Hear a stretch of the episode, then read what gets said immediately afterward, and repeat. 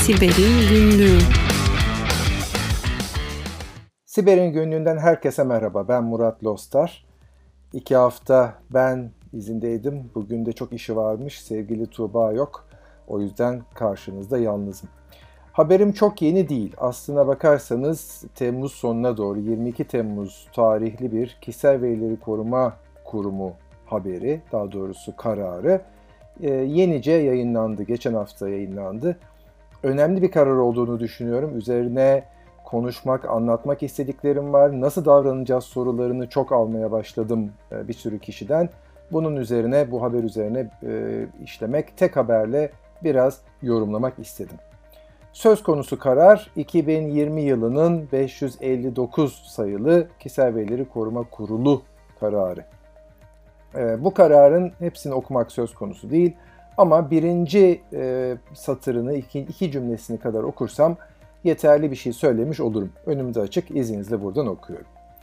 Otomotiv sektöründe faaliyet gösteren veri sorumlusu tarafından reklam, bilgilendirme amaçlı gönderilen bir kısa mesaj SMS hakkında ilgili kişinin şikayeti üzerine yürütülen inceleme sürecinde veri sorumlusundan alınan savunma yazısında şirketleri tarafından pazarlama amacıyla işlenmesi yönünde açık rıza alınmış kişisel verilerin veri işleyen konumunda bulunan yurt dışındaki bir firmaya aktarılmasının ve sadece söz konusu hizmetin yerine getirilmesi amacıyla bu taraf e, bu firma tarafından işlenmesinin 6698 sayılı Kişisel Verilerin Koruma Kanunu'nun 5. maddesinin 2 numaralı fıkrasının F bendi doğrultusunda veri sorumlusunun meşru menfaati için veri işlemesinin zorunlu olması şartı kapsamında değerlendirildiğinin ifade edilmesine rağmen aynı savunmada veri sorumlusunun veri gizliliği metninin şikayetçi tarafından onaylandığı diğer bir ifade ile verilerinin yurt dışına aktarma rıza verildiğine yönelik bir önceki ifadesiyle çelişen açıklamaların yer aldığı tespit edilmiştir. Vesaire vesaire vesaire bu işin sonucunda da yaklaşık 900 bin TL bir otomotiv şirketine ceza verilmiş durumda. Şimdi burada işin içinde sadece kişisel verileri koruma kanunu yok. Aynı zamanda Avrupa Konseyi'nin hukukçuların çok söylediği, benim de onlardan dinleye dinleye zaman içinde öğrendiğim bu 108 sayılı sözleşmesinin yurt dışına veri aktarmasına dayanak olup olmayacağına ilişkin aslında bu bir örnek karar olması nedeniyle önemli. Şimdi burada temelde aslında bahsedilen konu şu. Hiç Avrupa Konseyi'ne girmeyelim. Kişisel Verileri Koruma Kanunu diyor ki, insanların verileri kendilerine aittir ve bu verileri işleyen yani toplayan, kaydeden, aktaran, herhangi bir şekilde kullanan tüm tarafların tabii ki elektronik sistemler, e, otomatik sistemler aracılığı yapanların bunu güvenli yapıyor olması gerekiyor. Ama işte o güvende de bir takım kurallar var. Her şeyden önce güvenliğe geçmeden önce veri işlemeyi şart koşuyor kişisel verileri koruma kanunu.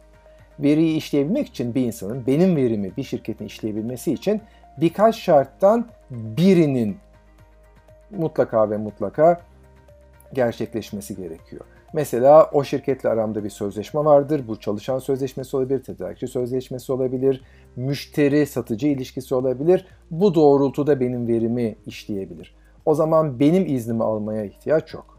Ama bunların hiçbirisi yoksa ben henüz sadece bir müşteri adayıysam o zaman benim e, verimi kullanabilmesi için e, elde kalan son seçeneğe benim açık rızamı almaya geliyor. Açık rıza biraz hassas bir konu. Çünkü açık rızanın en önemli özelliği kişinin yani rızayı verenin kararını değiştirebilme hakkı. Ben bugün izin veririm otomotiv şirketine. Bana SMS yollar, onu yapar, bunu yapar. Daha sonra bunu iptal ederim. O zaman tüm bunları durdurmak zorunda.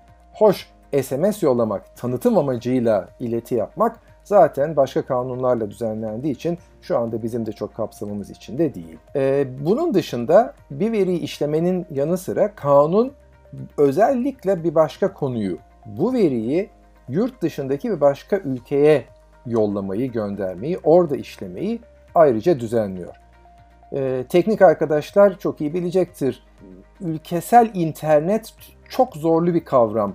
Rusya'nın zaman zaman denemeye çalıştığı, işte Çin'in, Suudi Arabistan gibi kendisi proxy ile kapalı ülkelerin belli ölçüde yapmayı çalıştığı başardı. Ama pratikte henüz kimsenin gerçekten başarabildiği bir kavram değil. Çünkü ülkenizi tümüyle yurt dışına kapatırsanız en basit DNS hizmetlerine kadar DNS hizmetlerinden başlayıp genelde hemen herkesin kullandığı arama motorundan, evet Türkçe karşılığı ya Türkiye karşılığı var, büyük e-posta servislerine kadar bunlar kullanılmaz hale gelecek. Sadece bir ülkenin değil, hemen her ülkenin problemi bu açıdan bakarsak geçerli. Hatta Edward Snowden'ın bu e, Amerikalıların Ulusal Güvenlik Ajansı NSA'nın e, başkalarının bilgilerini aslında NSA'nın işlediği sadece yabancıların değil Amerikalıların verilerinde işlediği bilgileri ortaya çıktıktan sonra hemen bu verilerin içerisinde belki hatırlarsınız e, Alman Başbakanı'nın da şansölyesinin de bir açıdan dinlendiği, onun telefonunda dinlendiği ortaya çıkmıştı. E, bütün bunlardan sonra da Avrupa Birliği ile Amerika arasındaki veri değiş tokuşu anlaşması Avrupa Yüksek Mahkemesi tarafından iptal edilmişti. Safe Harbor iptal edilmişti. Daha sonra yumuşama çerçevesinde bir e, Shield, Privacy Shield isimli bir e, çözüm yaratılmıştı. Şimdilerde yine onun üzerine konuşmalar devam ediyor. E, kişisel verileri koruma kanunu kendi içinde farklı ülkelere veri paylaşımını aslında düzenliyor. Diyor ki, öncelikle Türkiye gibi hiçbir şey sormadan söylemeden rahatlıkla verileri paylaşabileceğin ülkeler olabilir. Kanun bunlara güvenli ülkeler diyor.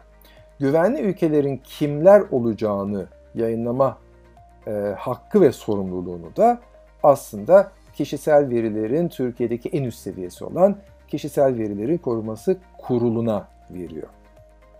Ama e, kurul bu konuda herhangi bir çalışma yapmadı. En azından benim bildiğim kadarıyla da yakın zamanda güvenli ülkeler diye bir liste e, çıkmayacak gibi ifade ediyor.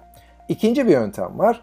Yurt dışındaki herhangi bir şirket diyebilir ki gelip e, Türkiye'ye ya bak ben böyle böyle çok güzel e, güvenlik önlemlerim var. E, bilgileri Türkiye'de olduğu kadar hatta daha da fazla koruyabilirim diyebilir bir uluslararası büyük e, veri işleme şirketi. Bu bir bulut şirketi olabilir ya da bir başka şirket olabilir. O zaman ne olacak? Türkiye'deki ilgili şirketle beraber bir taahhütname hazırlayacaklar. Bu taahhütnameyi yine Kişisel Verileri Koruma Kurulu'na yollayacaklar. Kurul onaylarsa o zaman bu verileri yurt dışına açık rıza almadan yani kişiye sormadan yollamak mümkün.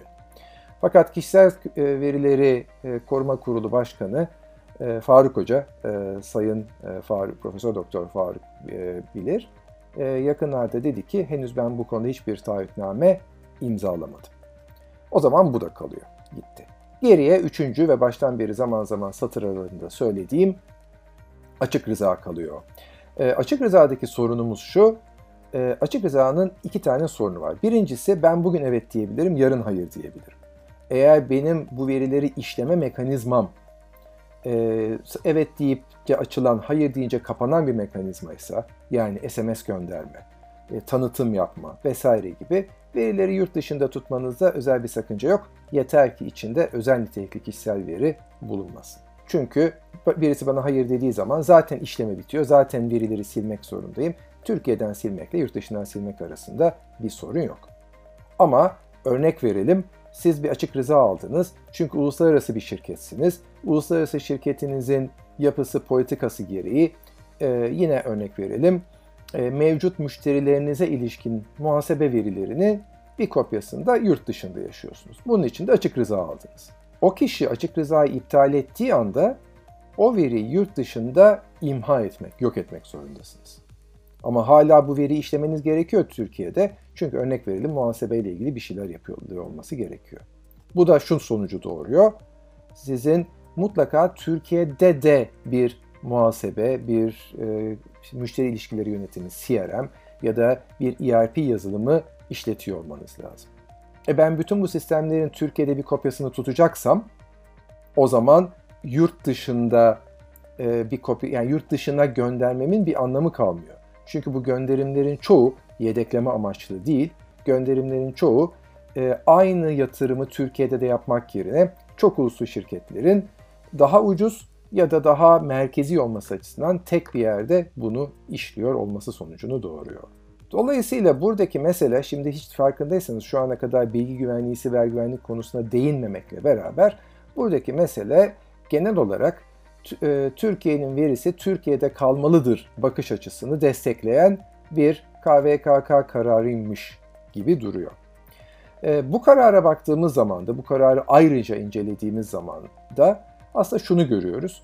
E, sadece Türkiye'de değil, sadece Rusya'da değil, işte Almanya'da başka bir sürü ülkede de, evet belki Türkiye kadar e, sert değil, Türkiye kadar kesin değil ya da daha serbestliği olan bölgeler vesaireler şunlar bunlar var. Avrupa Birliği içinde zaten her şey serbest. Amerika'ya vesaire yollama konusunda da bu kadar sert değil GDPR. Ee, kendi işte karşılıklı anlaşmalarla bu işleri çözebiliyorlar. Ee, o zaman e, biraz şeye bakıyoruz.